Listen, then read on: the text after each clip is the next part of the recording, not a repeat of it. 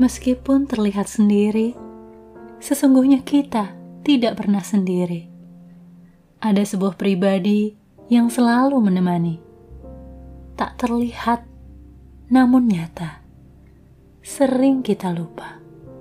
Ia yang membentuk buah pinggang, yang menenun dalam kandungan ibu, yang menghembuskan nafas hidup ke dalam hidung, dan yang menjaga jalan kita. Tetaplah melangkah dan percaya apa yang kamu upayakan tak akan pernah sia-sia.